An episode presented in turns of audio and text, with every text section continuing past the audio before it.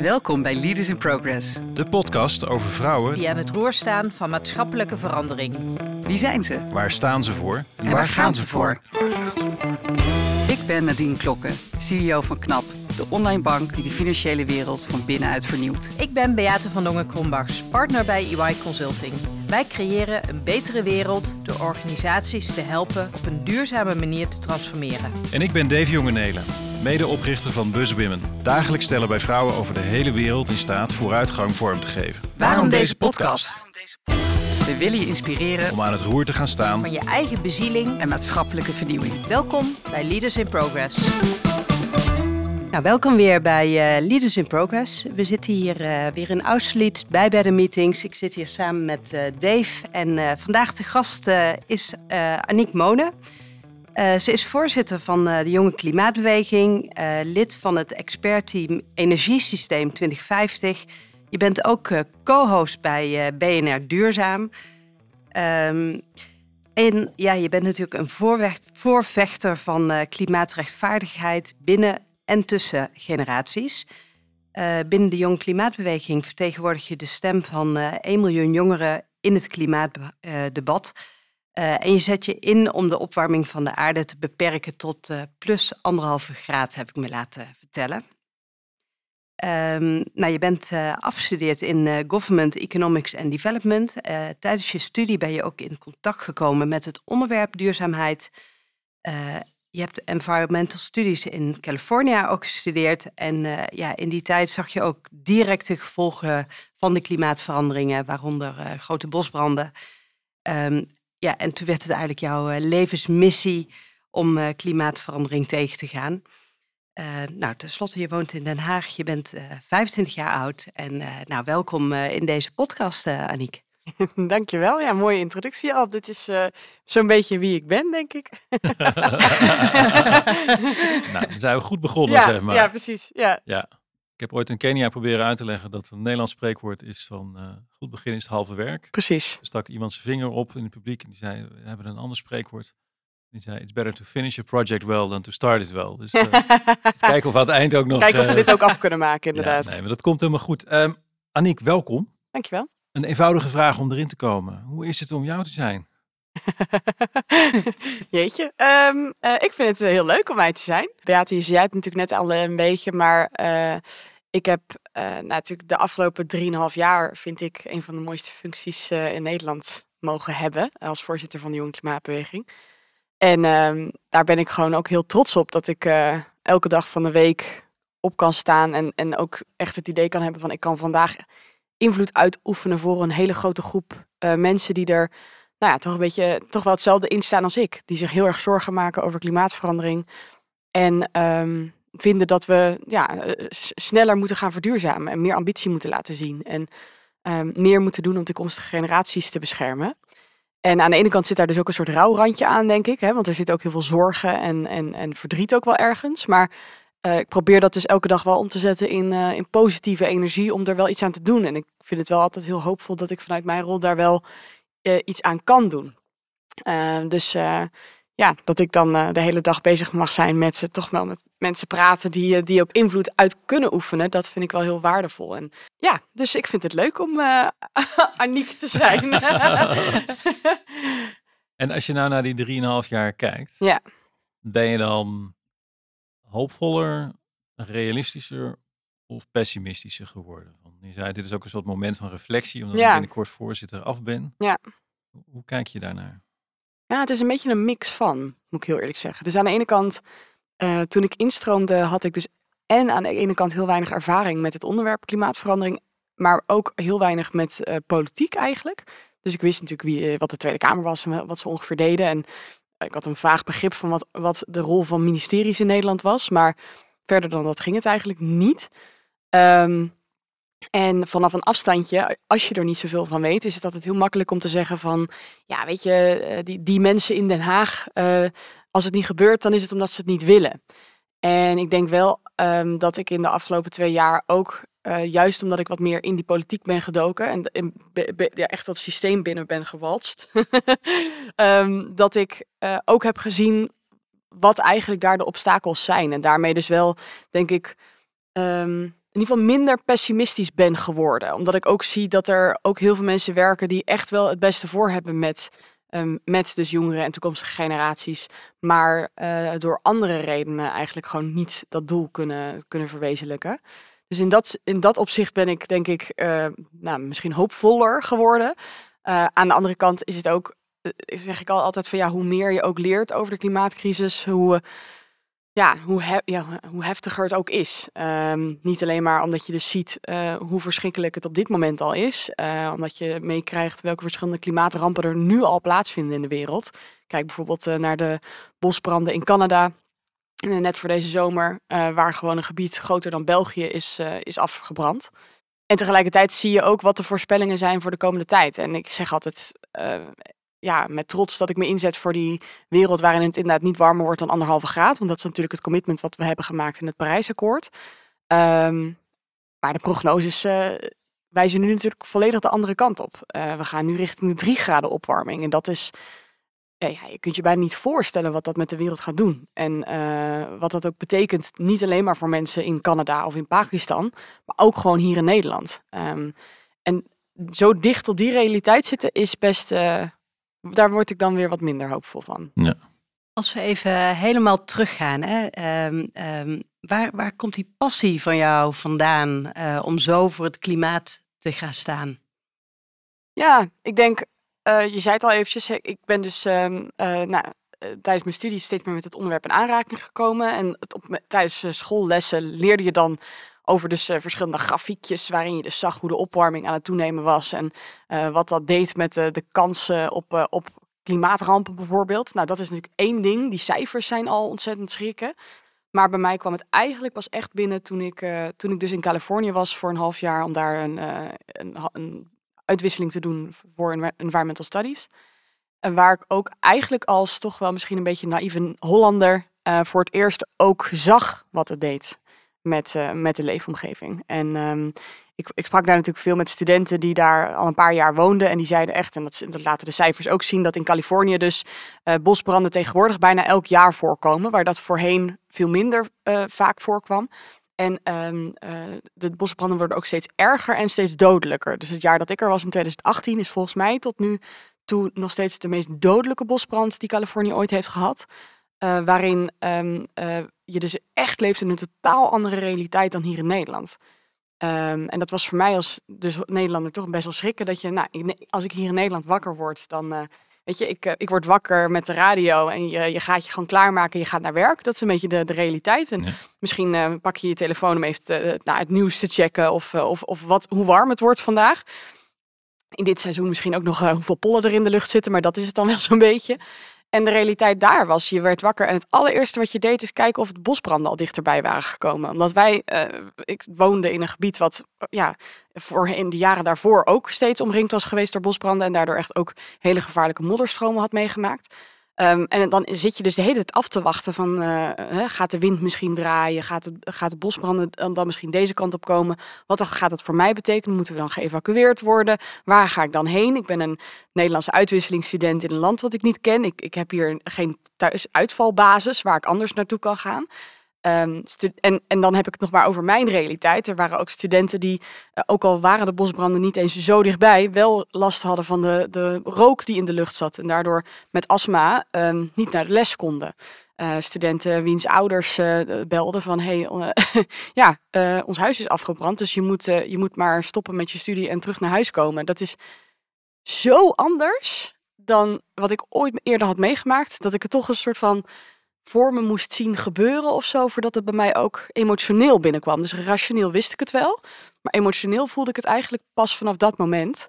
En dat is uh, nog steeds het vuurtje wat ook wel nog steeds in mijn brand als ik vandaag de dag dus met dit soort dingen bezig ben. En dat vuurtje wordt natuurlijk ook nu steeds weer aangewakkerd door dus dingen, klimaatrampen die je natuurlijk nu voor je neus ziet gebeuren. Al is het, gaat het om de overstromingen in Limburg uh, tot natuurlijk, ja, gewoon de, ook de. We hebben inmiddels in Nederland ook natuurlijk vaker steeds kleine bosbrandjes. Uh, uh, waar je ja, toch wel je bestaan steeds onzekerder wordt.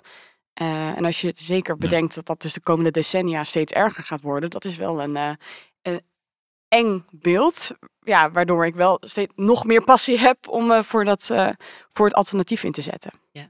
En als je nou teruggaat naar uh, Aniek als uh, kind, ja. Uh, was dit dan iets wat je toen ook al bezig hield? Of nee, is dat totaal echt niet. pas veel later? nee, echt totaal niet. Nee. Nee. Dus ik was echt complete opposite, denk ik. ik hield me echt totaal niet bezig met wereldproblematiek. Ik was gewoon vooral gefocust op mijn eigen vriendenclubje. En in het weekend en in vrije uurtjes geld uitgeven bij de Primark en de H&M aan zoveel mogelijk goedkope rotzooi die dan na een maand weer stuk was. En dan gingen we weer shoppen. Um, ja, totaal niet mee bezig. Dus ja, helemaal niet vanuit huis meegekregen ook. Uh, en ook niet op school. Dus het werd bij ons ook helemaal niet besproken in, in de klasse dat er een klimaatcrisis was. Dus ja, en als kind is het toch een beetje, je maakt je zorgen om de dingen waar de mensen om je heen je zorgen, zich zorgen over maken. En voor mij was dat, waren dat andere dingen, maar, niet, maar niet klimaatverandering. Dus nee, dat is wel een bijzondere transitie geweest waar ik ook zelf, waar, die ik ook zelf heb kunnen doormaken. En dat, dat begon eigenlijk bij de studie die je deed in Den Haag. En dat werd in Californië, kwam het letterlijk dichtbij, zeg maar. Ja. En, en, en toen? Dan, ja, wat toen. gebeurde er toen in jou? Want het, het vlammetje ging aan. En, en... Ja. ja, ik denk um, wat ik wel altijd al heb gehad, denk ik toch onbewust. En dat um, is dat ik wel heel erg al langer wel op zoek was naar een soort um, missie of zo. Dus ik, ik weet bijvoorbeeld dat ik er echt persoonlijk heel veel moeite mee had. Dat ik dus klaar was met de middelbare school. En eigenlijk niet zo goed wist wat mijn grote passie nou precies is. En volgens mij is dat natuurlijk iets wat middelbare scholieren vaker hebben. Maar wat toch nog wel een beetje um, een soort uh, ideale situatie is. Dat je toch altijd wel een beetje jaloers bent op mensen die zich vol overgave voor een thema kunnen inzetten. En ik had dat eigenlijk niet. Dus ik heb dat toen ook wel met open armen ontvangen toen ik dat dus wel had gevonden. Van yes, oké, nu heb ik iets gevonden waar ik al mijn tijd en energie in kan stoppen um, uh, om dat te gaan realiseren. Uh, dus dat heb ik toen gedaan. Ik denk wat meer uh, onbewust toen de tijd en bewust nu ik er zo over terugreflecteer. en dat, toen ben ik gaan kijken van oké, hoe kan ik dat dan het beste gaan doen? Want het is best ingewikkeld natuurlijk. Hè? Wat, wat kun je nou als individu doen om klimaatverandering tegen te gaan? Nou, dus ik begon eigenlijk met uh, een beetje de misschien makkelijke dingen, maar gewoon in je eigen invloedssfeer. Dus ik ging uh, eerst vegetarisch eten en toen ben ik, een, ben ik een tijd plantaardig helemaal gaan eten. Dat heb ik niet langer dan twee jaar volgehouden, maar dat heb ik wel een tijd gedaan. Nou, de, uitzoeken hoe je natuurlijk op andere manieren zelf duurzamer kan leven. Van minder lang douchen tot, tot je plastics recyclen en uh, nou ja, al dat soort zaken. en toen op een gegeven moment merkte ik van ik heb behoefte aan meer. En toen ben ik eigenlijk gaan kijken naar, uh, nou, wat zijn er organisaties in Nederland die zich met dit thema bezighouden. En ik wilde ook eigenlijk heel graag werken met jonge mensen. Want ik, ik had al wel wat stages gedaan bij verschillende bedrijven. Ja. En uh, die bedrijven waren dan ook wel met duurzaamheid bezig. Dat vond ik dan wel inspirerend. Maar ik miste heel erg toch die generatiegenoten. Die dan Wat toch... is dat dan? Wat, wat maakt dat anders dan... Ja, het is een soort... Ik vind het ook moeilijk om in woorden te vatten. Maar het is denk ik een soort passie en een, denk ik een soort gedeelde realiteit, waar je toch die in denkbeelden net wat meer overeenkomt dan met oudere collega's. Ook al zijn dat oudere collega's die ook ontzettend veel passie hebben voor het onderwerp. Um, maar het is denk ik dat, toch dat einde, een soort van bodemloze energie ook nog. En, en, en, uh, misschien ook wel een soort positiviteit of, of hoop die daar nog in zit, die ik heel inspirerend vond. Dus toen uh, heb ik letterlijk gegoogeld jongeren klimaat Nederland. en toen vond ik de jonge klimaatbeweging. En ze hadden toevallig net een uh, vacature openstaan voor een bestuursfunctie. En want er was iemand ook vroegtijdig uitgevallen. Uh, dat is heel vervelend, maar voor mij kwam dat, ja, was het eigenlijk een soort van uh, lotvel van, oh, toevallig net deze week staat er iets online. En ik denk als ik twee weken later had gekeken, was hij ook weer weg geweest. Dus uh, toen gesolliciteerd en, en zo de organisatie eigenlijk binnengekomen. En toen verliefd geworden op, uh, op wat we doen. En wat trof je daar aan? Ja, precies. Daar was ik ook benieuwd naar. ja. Ja, uh, ik trof toen in 2020 dus een organisatie aan van, uh, van 30 jonge mensen die um, op allerlei manieren probeerden om uh, de politiek te beïnvloeden op een manier dat zij dus uh, meer ambitie gingen tonen in hun beleid. En wat ik ook heel inspirerend vond, is dat de Jonge Klimaatbeweging dus een organisatie is die heel erg werkt vanuit dat positieve. Dus wij hebben, uh, we zijn een koepelorganisatie, wij vertegenwoordigen 60 jongerenorganisaties in Nederland. En op, op basis van uh, gesprekken met hen hebben wij een jonge klimaatagenda geschreven. En die jonge klimaatagenda schetst een beeld voor Nederland, hoe, hoe jongeren willen dat Nederland eruit zou zien in 2040. Dus wat voor werk doen we dan? Wat voor eten eten we? Hoe reizen we naar werk? Um, hoe reizen we naar vakantie? Ja. Uh, al dat soort vragen worden daarin beantwoord. Maar uh, eigenlijk in tegenstelling tot veel van de klimaatscenario's die je vaak leest, wat natuurlijk ontzettende doemscenario's zijn, is de jonge klimaatagenda eigenlijk een toch een soort positief toekomstbeeld. En, en daarin niet per se naïef, maar meer van als we nou vanaf nu echt keihard ons best zouden doen om die transitie in Nederland waar te maken, op welke manier kan Nederland dan ook gewoon nog beter worden? Uh, want Nederland kan nog zoveel schoner, groener, socialer, uh, eerlijker. Ja. en dat is eigenlijk heel erg het verhaal wat we daarin vertellen. En dat is dus echt een soort motiverend um, toekomstbeeld waar je mensen, denk ik, veel makkelijker achter kan scharen dan alleen maar vertellen wat er gebeurt als je niks doet. En kun je wat voorbeelden geven wat dan op die agenda staat? Ja, uh, even kijken. Dus um, als we het bijvoorbeeld hebben over de, de economie, um, zeggen jongeren bijvoorbeeld dat um, nou ja, de, eigenlijk de bruto nationaal product economie, waar we op dit moment uh, in wonen, waar succes en welvaart voornamelijk wordt gemeten aan in hoeverre we uh, spullen kopen, dus consumeren en produceren, want dat is eigenlijk hoe we ons bruto binnenlands product uh, berekenen. Um, dat wordt vervangen door de brede welvaartseconomie. En een brede welvaart uh, is eigenlijk een alternatief voor het bruto binnenlands product. En die berekent welvaart aan de hand van verschillende kapitalen. Zowel dat economische, maar ook het sociale en het, en het natuurlijke kapitaal. Dus um, uh, je meet niet alleen maar hoe goed het gaat met Nederland op basis van hoeveel geld we verdienen, maar ook hoe het staat met onze biodiversiteit en natuur. En in hoeverre mensen zich gelukkig, maar ook veilig voelen in Nederland. En al dat soort, uh, ja, al die indicatoren maken eigenlijk dat je welvaartsmeetstaf uh, eigenlijk veel inclusiever wordt voor hoe het ook daadwerkelijk gaat met mensen. Uh, en ik denk dat jongeren dat ontzettend belangrijk vinden. En jij stapt dan, ik heb gelezen, dan stap je ook naar minister Kaag bijvoorbeeld. Ja. Je gaat een gesprek met, met de politiek en met CEO's. En, en hoe gaat dat dan? Jij zegt, we moeten die kant op. En neem ons eens mee van hoe gaan dat soort gesprekken en wat krijg je dan wel of niet voor elkaar voor je gevoel? Ja, um, nou wat, me heel erg opvalt, ook wel omdat ik er nu dus een paar jaar bij de organisatie zit, is dat er dus echt wel een hele grote verandering gaande is in dat um, wij vroeger mensen echt nog moesten overtuigen van ons verhaal. En uh, de gesprekken die ik nu voer gaan eigenlijk 9 van de 10 keer wel over, of die beginnen in ieder geval met ja, eigenlijk zijn we het met elkaar eens. Maar hoe zorgen we nou dat we er ook echt komen? Dus als ik bij, inderdaad bij een minister Kaag aanbel en, en vertel dat, ik, dat wij willen dat het ministerie van Financiën uh, hun beslissingen gaat baseren op inderdaad die brede welvaartsimpact. In plaats van alleen maar dat bruto binnenlands product.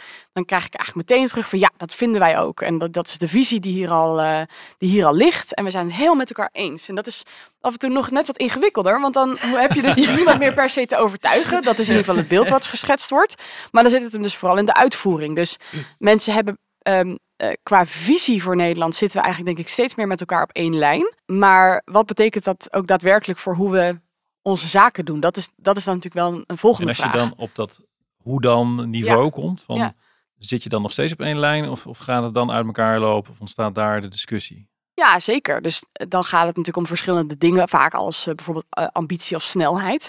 Dus ja, we, zijn het ermee eens dat dit moet. Um, maar de ene partij zegt dat het prima is als we dat in 2040 pas doen. En wij zeggen dan, nou, van ons mag het wel wat eerder. Uh, het kan ook gaan in net een andere definitie natuurlijk hebben van zaken. Dus um, ja, eh, brede welvaart is, is een term die op verschillende manieren geïnterpreteerd kan worden. Dat kun je natuurlijk ook op verschillende manieren kun je dat invullen. Een voorbeeld is bijvoorbeeld het feit dat wij hebben binnen, voor, eigenlijk richting de Tweede Kamerverkiezingen, hebben wij als Jonge Klimaatbeweging heel hard ge, uh, gepleit voor een generatietoets op Nederlands beleid een generatietoets is een toets op beleid die in kaart brengt wat de lange termijn gevolgen zijn van, uh, van onze keuzes. En we zeiden eigenlijk van dat is nodig, want we maken we houden veel te weinig rekening met die lange termijn in Nederland.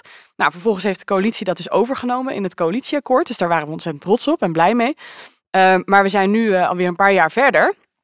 En we zitten eigenlijk nog steeds een beetje in die, ja, toch in, op die ministeries te onderhandelen van wat is zo'n generatietoets nou precies? En wat moet dat dan meten en wat niet? En um, uh, hoe ver in de toekomst moet zo'n toets kijken? En daar zijn wel de meningsverschillen, daar bestaan wel de meningsverschillen over. En um, ook de urgentie rondom zo'n thema is denk ik voor al die verschillende partijen die erbij betrokken zijn ook echt wel heel erg anders.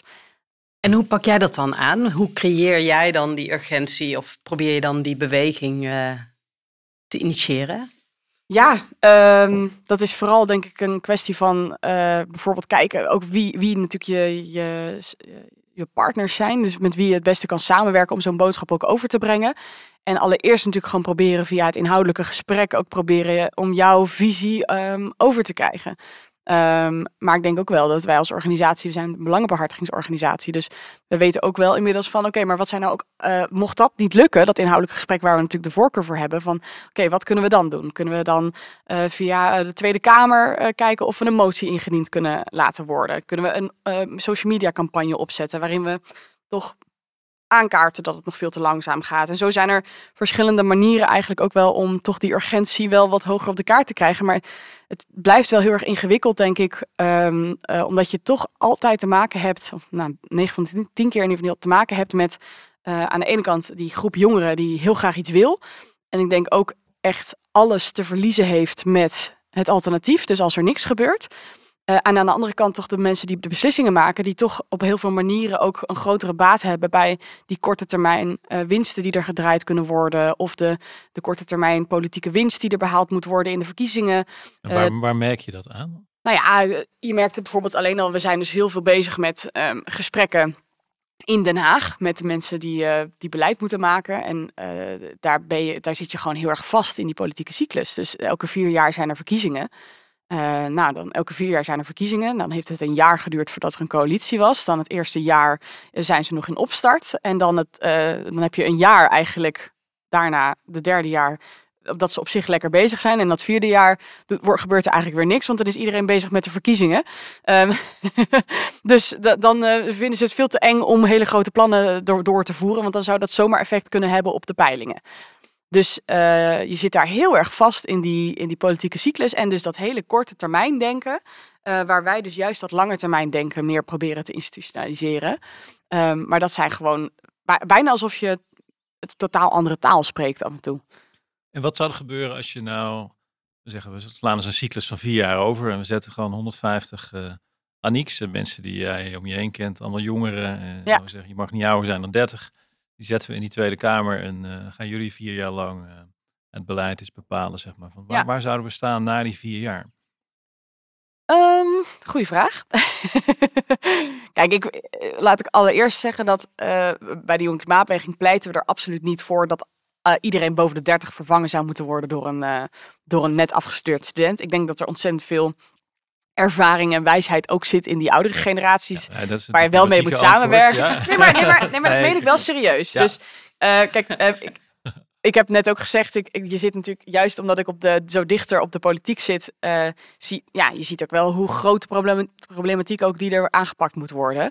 En uh, kijk, ik, ik kan van jonge generatie heel goed zeggen dat ze ontzettend uh, goede visie hebben voor, voor wat er in Nederland zou moeten gebeuren. Maar die praktische ervaring van uh, ook hoe, nou ja, hoe hou je een land ook draaiende, dat, dat mist natuurlijk af en toe nog hier en daar. Dus ik denk dat je daar absoluut, ik, zou, ik zou niet zo snel 150 zeggen, maar misschien 75, 75. Laten we het dan zo doen. Ja? Mooi. ik denk dat in ieder geval mijn generatie veel meer ook vanuit die toekomst denkt. en die jonge klimaatagenda is natuurlijk een voorbeeld van, van. Dat we echt zeggen van ja, je hebt die stip nodig op de horizon en vanuit daar ga je terugredeneren in plaats van dat je altijd alleen maar denkt vanuit het nu. En ik denk dat we dat wel als een hele grote toegevoegde waarde ook binnen het politieke zouden kunnen brengen. Waar we uh, echt met de generatie dan gaan nadenken over: oké, in wat voor Nederland willen we nou in 2050 wonen en wat moet er dan nu gebeuren om dat voor elkaar te krijgen? En dat is denk ik wel een degelijk andere manier van werken dan, dan wat er nu vaak gebeurt, waar er toch wel heel erg in de waan van de dag wordt geleefd en de voorpagina van de Volkskrant regeert meer wat er in de Tweede Kamer wordt besproken dan uh, de, de daadwerkelijke proble problematiek in Nederland. Maar je zou, zoals ik het zo hoor en zoals jij het beschrijft, het voelt als een soort omkering van en nu is het systeem van er is een gevestigde orde. Mm -hmm. En dan komt een, een, jonge beweging en die, die, die moeten gepassioneerd zijn en die moeten dingen agenderen. Zeg maar. Dat zijn de, de activisten worden die gelabeld, zeg maar. Mm -hmm. En die proberen dat systeem op te schudden en te beïnvloeden. Maar zoals jij het schetst van, als je het zou omkeren en je zegt eigenlijk zouden de, de jongere generatie uh, met de visie en het beleid moeten komen. En de mensen die ook weten hoe het is om, om zo'n complex systeem daadwerkelijk te runnen, zouden daar veel dienstbaarder aan moeten zijn. Dus een soort omkering van het systeem. Kun je daar iets bij? Ja, dat denk ik wel. Ja, uiteindelijk heb je natuurlijk die jongeren ook vervolgens nodig met de uitvoering. Maar zeker als je kijkt naar de, de huidige tekorten aan arbeidskrachten, et cetera. Maar ik, ja, ik denk het wel. Ik denk dat die, die visie, ehm, dat je daar wel als, ook als Nederland veel meer zou moeten leunen op juist de generatie die natuurlijk in het Nederland van dan moeten wonen. Want als je het hebt over 2050, dan is mijn generatie wel de groep die dan uh, nou, al jarenlang werkt, pensioen betaalt. dat is eigenlijk de werkende generatie van 2050. Uh, denk ik die, die je daar dan een grotere stem in zou moeten geven dan de generaties die dan misschien er ook niet meer zijn. En de realiteit is wel zo dat je als je kijkt naar de bestuurskamers, is de gemiddelde leeftijd vaak nu rond de 60. Ja, dat zijn mensen die beslissingen maken over een tijdperk waar zij ehm, misschien niet meer uh, bestaan.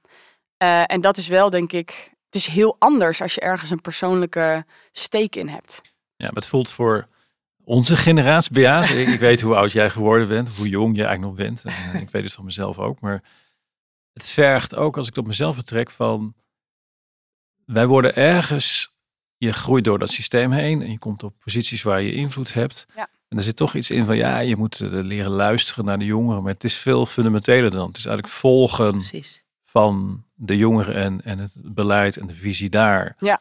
En, en daaraan ondersteunen durven zijn, zeg maar. In plaats van toch denken van ergens misschien, ik weet het beter. Of je hebt meer ervaring. Of het is echt een fundamentele omslag, zeg maar, die, die ook onderhuids uh, plaatsvindt. Ja, en, en wellicht wat jij denk ik ook zegt, hè, meer in de uitvoeringskracht. Uh, dat je wel degelijk de ervaring en expertise inzet van de oudere generaties. Uh, Absoluut.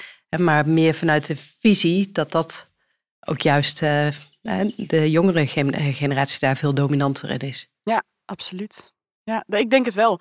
Kijk, ik, ik, um, ik denk wat heel veel mensen onderschatten is toch dat, en dat heb ik uh, als 25-jarige merk ik dat zelf ook al op sommige onderwerpen, dat we toch als mens vaak geneigd zijn om onze eigen ervaringen toch uh, vaak als een soort feitelijk te zien. In dat um, als wij tien jaar geleden een project geprobeerd uh, hebben op te starten. En dat lukte toen niet, dat kwam niet van de grond. Dan zijn we die tien jaar later heel erg geneigd om te zeggen: ja, maar dat kan nu nog steeds niet. Want ik heb het tien jaar geleden geprobeerd en toen, en, en toen lukte het niet. Ja. Terwijl in die tien jaar is er natuurlijk zo ontzettend veel veranderd in de omgeving. Uh, in de mensen van wie je afhankelijk bent, in de politieke realiteit, in de toegankelijkheid van financiën, et cetera, et cetera, et cetera. Waardoor jij eigenlijk op basis van die ervaring van tien jaar geleden niet meer kan zeggen wat de kans is van slagen op, op dat nieuwe moment. Maar dat merk je wel heel erg als jongeren. Dus als wij met bepaalde ideeën aankomen in Den Haag, dan worden we toch wel vaak uh, worden we weer naar de deur geweest van ja, maar dat hebben we al een keer geprobeerd. Of uh, dat, dat, lukt niet. Dus ik denk, ja, waarom, waarom zullen we het niet nog een keer proberen? Um, ja, wie, wie weet lukt het deze tweede keer wel. En ik denk dat dat echt heel erg de toegevoegde waarde is van jongeren. Dat ze, juist omdat ze nog wat minder ervaring hebben en nog wat minder in die tunnelvisie vastzitten, kun je denk ik toch wel die creatieve vragen stellen die mensen ook uitdagen om toch weer nieuwe mogelijkheden te zien. Nu geef jij dadelijk het stokje weer door binnen de Jong Klimaatbeweging. Hoe zorg je er nou voor dat datgene wat jij daar uh, gezaaid hebt, gecreëerd hebt, dat dat ook niet weer verdwijnt. Hè? En dat de volgende persoon weer helemaal opnieuw moet beginnen. Uh, ja, nou ja, uh, het hele formele antwoord is: we hebben een vrij goede overdrachtsperiode. waarin ik inderdaad met mijn opvolger ook wel, en, en ook met de rest van het team trouwens, wij spenderen echt een goede anderhalf maand samen. Waar we um, echt alles wat wij het afgelopen jaar hebben geleerd, proberen door te geven. En dat, dat doen we eigenlijk elk jaar. Um, maar de realiteit van een jongere organisatie is toch ook vaak dat, we, dat je per jaar wisselt. Dus ik heb er eigenlijk relatief lang gezeten met mijn, binnen mijn functie. Um, de meeste mensen zitten er eigenlijk niet langer dan een jaar. Um, maar dat is denk ik ook weer opnieuw de, ook de grote toegevoegde waarde. Dus ik wil ook niet dat mijn opvolger het precies op dezelfde manier van mij overneemt als ik dat de afgelopen tijd heb gedaan. Ik zie heel veel meerwaarde in ook juist een groep die uh, gewoon is op basis van wel natuurlijk de kennis die wij hen meegeven gaat kijken hoe zij het zouden invullen. Um, en nou, we hebben een ontzettend leuke groep mensen geselecteerd. Dat, uh, dat daar durf ik mijn hand voor in het vuur te steken. Um, uh, en op basis van die, van die informatie mogen zij dus voor zichzelf weer een nieuwe visie gaan ontwikkelen. Op basis van hun eigen ervaringen en, en ideeën. En dat is denk ik ook voor onze organisatie, denk ik, ontzettend goed. Um, en ik denk ook wel, we staan pas zeven jaar, maar we zijn denk ik echt al bijzonder groot en, en invloedrijk voor zo'n relatief jongere organisatie. Jonge organisatie. Um, Uh, en ik denk ook wel dat dat deels hier aan toe te schrijven is. Doordat we de hele tijd onszelf ook blijven uitdagen met, met, met nieuwe groepen mensen. Die we ook vanaf het begin zeggen van, weet je, de organisatie is nooit af. Uh, bekritiseer en bevraag alles. Um, en en dat, we, dat we iets op een bepaalde manier doen, betekent niet dat dat de beste manier is. En ik denk dat die cultuur die we dus heel erg ook intern hebben, dat reflecteren we dus ook weer naar buiten in dus die gesprekken met de politiek. Dat we dus ook, ook daar zeggen van bevraag alles. uh, dat iets op een bepaalde manier gebeurt, hoeft niet te betekenen dat dat de beste manier is. Uh, en als jongere kun je uh, nou ja, echt niet altijd iedereen er op, op inhoudelijke kennis als het ware uitspelen. Maar juist wel door die hele kritische en vernieuwende vragen te stellen. En daarmee mensen uit te dagen om ook weer te gaan reflecteren op waarom ze eigenlijk dingen doen. Um, dus nee, ik ben ontzettend benieuwd om te, om te zien wat ze met de organisatie gaan doen het komende jaar. Uh, en daarna natuurlijk. Uh, ik denk alle, dat het alleen maar de goede kant op kan gaan. En wat heb jij over jezelf geleerd, met name als voorzitter van, van de beweging? Ontzettend veel. ja, wat heb ik over mezelf geleerd? Waar ben je zelf ook tegengekomen in dat proces? Ja, um, nou ja, we hebben het vandaag natuurlijk over leadership. Dus ik denk wel, in, hoewel ik denk ik altijd wel ja, toch een voorkeur heb gehad voor een soort leidende rol. Of dat nou in groepsprojecten was. En dat, dat had ik ook al op de middelbare school. Ik vond het gewoon heel leuk om dan daar een beetje de leiding aan te geven. En daar een, een team als het ware te kijken. Met een team te kijken van oké, wie doet dan wat en wie is waar in zijn kracht. Dus dat had ik altijd dan wel een beetje. Maar ik had denk ik ook wel heel erg onderschat wat het betekent om een organisatie van uh, bijna 90 vrijwilligers te besturen. Um, en uh, wat het ook betekent om met zoveel verschillende mensen die misschien wel een afstandje heel erg hetzelfde zijn, maar toch ook altijd wel heel anders zijn, uh, om, om die bij elkaar te houden. En om ook daar toch een groep te creëren die, die ook een gezamenlijke missie ervaart en, en daar zich voor blijven, wil blijven inzetten. Dat is denk ik wel uh, toch iets waar ik op heel veel punten ben uitgedaagd. Van oh ja, ja zeg maar. wat, wat, wat ik doe binnen deze organisatie, dat reflecteert op iedereen hier. Um, en wat zij doen reflecteert op mij. Dus zeg maar de, die interne dynamiek, die heb ik, denk ik, daar heb ik wel veel over geleerd. Maak dat dus concreter. Wat, wat heb je dan specifiek geleerd? Ja, ja. Kun je daar een voorbeeld ja, dus van geven? Een, een, een kleiner voorbeeld is bijvoorbeeld dat uh, en het klinkt zo heel simpel, maar dat, dat mensen ook zo'n echt een andere taal hebben. dus, eh, en dus zelfs binnen zo'n groep waarvan je denkt, oh, dat is echt een super homogene groep van mensen die allemaal hetzelfde vinden, kun je soms zo langs elkaar praten uh, als je eigenlijk hetzelfde bedoelt. En ik heb vaker binnen de organisatie gezien dat er dan kleine conflictjes bestonden tussen groepen die eigenlijk precies hetzelfde willen, maar daar gewoon een ander, ander, andere taal in gebruikte. En dat heb ik wel heel interessant gevonden om dat te kunnen observeren. Van hé, hey, wacht eens even, hier gaat iets mis. Maar vanaf van buitenaf zie ik, zie ik eigenlijk niet zo goed, of, zie ik wel wat er, waarom het misgaat. Maar zie ik minder uh, reden voor conflict dan er daadwerkelijk is. Um, dus, dus ik heb denk ik meer geleerd over mensen uh, in het algemeen. Uh, hoe de mensen een beetje in elkaar steekt. En daardoor ook meer over mezelf. Want wat ik over andere mensen leer, daar kan je natuurlijk ook op reflecteren bij jezelf. Wat heb je ontdekt? nou ja, kijk, ik, ik, um, dan wordt het, nou wordt het wel heel specifiek, maar um, ik, ik ben iemand die, denk ik, um, heel veel enthousiasme heeft over het onderwerp. En, en ook af en toe denkt dat, dat met enthousiasme ik iedereen kan aansteken. Uh, niet in de vorm van manipulatie, maar gewoon omdat ik echt, zeg maar, uh, oprecht uh, veel passie heb voor het onderwerp en ik merk dat, dat, dat ik daar mensen mee kan aansteken. Maar dat dat ook niet altijd werkt. Want mensen, andere mensen hebben soms ook weer andere behoeften. Die soms meer zitten in het logische en het inhoudelijke. En dan kun je zo enthousiast zijn als je wil. Maar als je hun taal niet spreekt, dan. En dat kan dus zowel gaan voor iemand binnen onze eigen organisatie, maar ook met een politicus of een minister. Van ja, mijn verhaal. Ik kan dat zo enthousiast mogelijk vertellen, maar het land niet zodra ik het niet vertel in hun taal.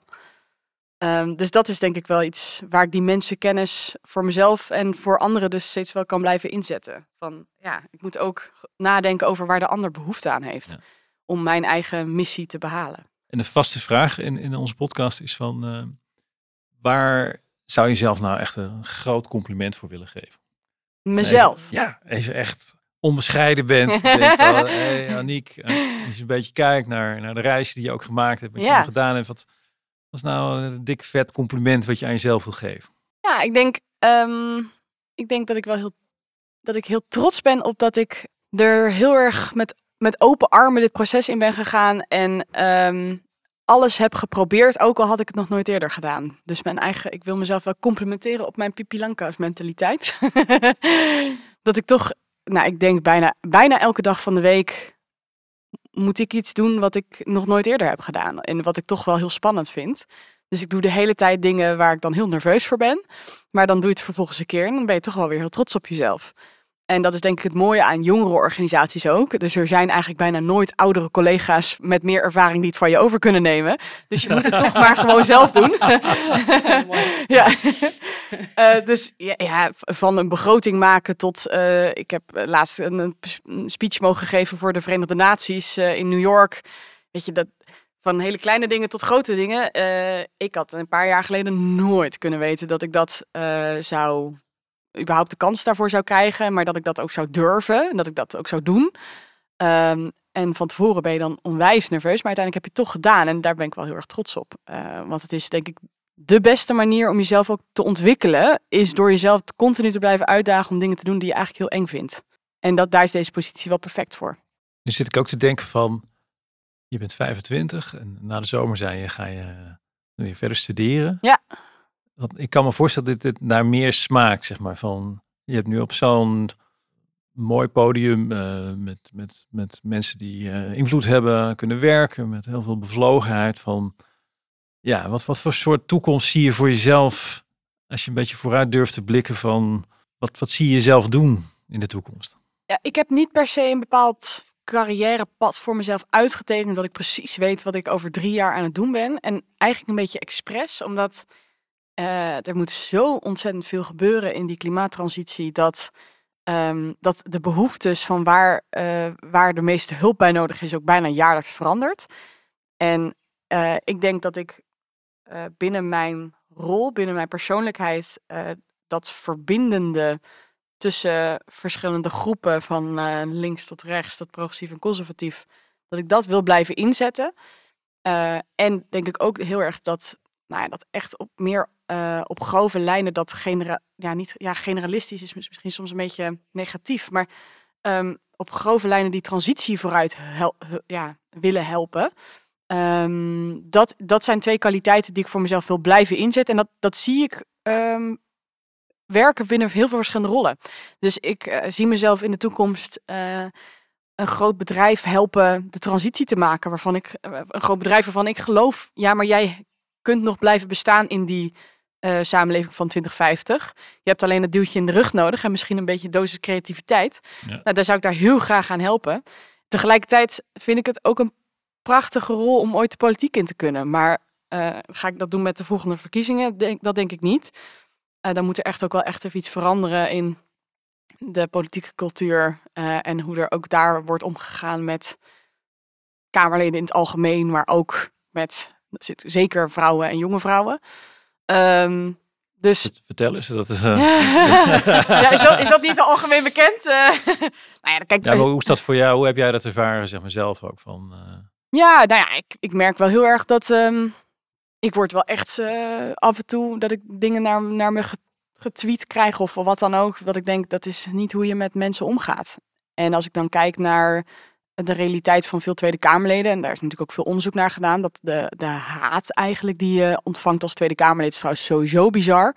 Maar disproportioneel groot als je jong bent. Of zo, ja, jong bent, en, maar vooral ook als je vrouw bent. Dus echt de, vrouwelijke Kamerleden die krijgen echt... Nou, die krijgen dagelijkse dreigmails en brieven. En die hebben wel eens mensen natuurlijk aan de deur staan. Kijk naar minister Kaag. En dat is... Um, nou ja, dat is wel een realiteit die mij niet per se prikkelt om nou in diezelfde schoenen te gaan staan. Dat vind ik heel jammer, want tegelijkertijd vind ik het wel een onwijs eervol beroep om dus op die manier ook aan Nederland te, mogen werken. Maar uh, ik heb wel juist ook natuurlijk binnen de jonge klimaatbeweging ervaren dat het zo'n constructieve groep is die echt zeg maar ervaart dat we samen voor een gezamenlijk doel staan en daar op die manier ook samen aan werken. En ik denk dat dat mist in onze politiek. Uh, dat we samen aan een groter verhaal werken. Uh, en, en ook dat je die steun krijgt vanuit de rest van het land. Het is vooral uh, haten op alles wat er te haten valt. Of dat nou is wat je voor je ontbijt hebt gegeten, of waar je op vakantie bent geweest, of wat je hebt getweet. Of maakt eigenlijk niet uit. Je wordt gewoon alsof je eigenlijk bijna niet meer menselijk bent, word je uit elkaar getrokken eh, op de meest ja, verschrikkelijke manieren. Dus ehm, ja, ik heb dat denk ik vanuit mijn huidige rol eh, gelukkig maar in beperkte mate meegemaakt. Maar dat is wel iets wat mij weer houdt om zo'n rol in de toekomst weer aan te nemen. Ja. ja, begrijp ik. Zijn er nog dingen die wij uh, niet aangeraakt hebben in dit gesprek waarvan jij zegt, nou, daar hadden jullie toch nog even naar moeten vragen? Goeie vraag. Ik zit, ja, er, er, is natuurlijk ontzettend veel te bespreken en vertellen. Maar ik denk dat, uh, je zei in het begin mooi van we willen een inkijkje hebben in wie Aniek is. Ik denk dat we dat in ieder geval hebben gekregen. Ik zelf ook weer. um, dus uh, nee, tenzij jullie nog vragen hebben. Nou, ik wat, heb... wat is jouw hartekreet, zeg maar? Van, uh, als je in je hart kijkt en denkt van, stel dat heel Nederland zou zitten luisteren nu. Mm -hmm. wat, wat, wat zou je nog mee willen geven aan mensen daarin? Ik, ik, zat, ik zit wel vaker na te denken over natuurlijk um, toch wel uh, het, het feit dat ik binnen de, de, organisatie waar ik nu zit, een beetje de bubbel waar je als, als groene organisatie in, in leeft, uh, daar is het bewustzijn over eigenlijk de grote crisis waar we in zitten natuurlijk gigantisch. En dat bewustzijn, um, daar word ik soms ook op mijn, met mijn neus op de feiten gedrukt als ik eventueel buiten, af en toe buiten die bubbel stap, dat dat toch niet zo is. En ik denk, mijn hartekreet is toch wel behandel de situatie waar we nu in leven toch wel eentje waar jouw leven, jouw toekomst van afhangt. Want dat doet hij ook. En ik hoop zo, en dat is niet een hartekreet waar ik mensen bang mee wil maken, maar voornamelijk eentje waarvan ik hoop van, ja, er is zo ontzettend veel te winnen aan juist het inzetten van die transitie. En zoals ik ook al in het begin zei, van Nederland kan nog zoveel mooier, schoner, beter, groener, socialer dan het nu is. Ik hoop gewoon vooral heel erg dat iedereen die luistert beseft dat ze daar binnen hun eigen mogelijkheden, hoe groot of klein ook, daar iets aan kunnen doen. Of dat nou is door dit probleem definitief aan te kaarten binnen een bestuursvergadering waar je in zit, of uh, nou ja, uh, te stemmen uh, bij de volgende verkiezingen op een andere manier. Of er zijn zo ontzettend veel dingen die je kan doen. Uh, een gesprek aan te gaan met, met je buren, weet je wel. Het is echt uh, zo klein of groot mogelijk. En, en iedereen heeft daarmee de mogelijkheid om bij te dragen aan dat grotere doel van die transitie naar dat mooiere Nederland. Uh, dus ik hoop ook vooral dat dat mensen de moed geeft om ja, dat gesprek ook aan te gaan en die stappen ook zelf te zetten. want dat, die moed hebben we wel vooral nodig.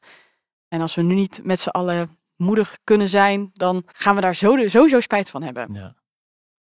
Mooi, ja. Wat ik daarin hoor is de moed eh, gecombineerd met het enthousiasme. Je hebt zelf ook het gevoel van, we laten ook heel veel kansen liggen vanuit enthousiasme om te kijken naar die transitie. Ja. Uh, wat het allemaal kan brengen, wat het in beweging kan zetten. En weet je, dus daar ligt volgens mij uh, die combinatie van uh, jouw moed en jouw enthousiasme, denk ik, heel inspirerend. Dus ik wil jou in ieder geval alvast bedanken voor dit mooie gesprek. Ja, jullie ook bedankt. Ja, en ik heb nog een uh, nou, getracht een kleine samenvatting te maken van hetgeen uh, je verteld hebt. Zoals je aangeeft, de afgelopen 3,5 jaar een van de mooiste functies binnen Nederland, uh, binnen de Jong Klimaatbeweging. Um, als middelbare school was je echt op zoek naar je, naar je passie en tijdens die studie is die ontstaan. Daarvoor nou, was die daar nog niet zo aanwezig. Dus ook mooi om te zien hoe dat dan kan gebeuren. Je was daarbij actief op zoek uh, naar die jonge generatie om je heen, omdat die ook positiviteit, hoop en uh, energie uh, geeft. nou, de Jong Klimaatbeweging die werkt dus ook echt vanuit het positieve met de Jong Klimaatagenda als positief toekomstbeeld. en je merkt dat de Nederlandse politiek vaak eenzelfde visie heeft. maar dat de uitdagingen met name zitten in de manier waarop. De jongere generatie zou ook veel meer aan de bal moeten zitten voor het vormen van, van visie en beleid. Ja, en je hebt ook eh, geleerd wat het betekent om een organisatie van 90 eh, vrijwilligers eh, te besturen. Daarbij heb je veel geleerd over mensen, maar zeker ook over jezelf. Um, en ik vond het ontzettend mooi wat je zei, dat je hebt uh, ontdekt dat je enthousiasme super belangrijk is om dingen in beweging te zetten. En tegelijkertijd uh, niet de enige weg naar Rome daarin is. Ja, en ook prachtig om te horen hoe trots je bent op je Pipi Langkous gedrag. En uh, nou, ik denk dat je daar met recht zeer trots op bent. Super stoer wat je allemaal doet. En ik denk dat we nog hartstikke veel van je gaan horen. Dus dankjewel Aniek voor dit gesprek. Ja, jullie bedankt. Ja, dat was hem weer. Leaders in Progress voor vandaag. Ehm, ik hoop dat iedereen eh, de moedigheid en het enthousiasmerende en het verbindende van, uh, van Aniek ook meeneemt in, in wat je ook doet. En we hopen dat je volgende keer weer luistert. Dankjewel. Dankjewel voor het luisteren naar deze aflevering van Leaders in Progress. We hopen dat je ervan genoten hebt en er volgende keer weer bij bent wanneer we een nieuwe gast aan tafel hebben. Ben jij geïnspireerd en zou je ook willen werken aan vooruitgang? Dat kan. Ga nu naar www.leadersinprogress.nl en kom in actie. Of neem direct contact met ons op via de e-mail. Graag tot de volgende keer.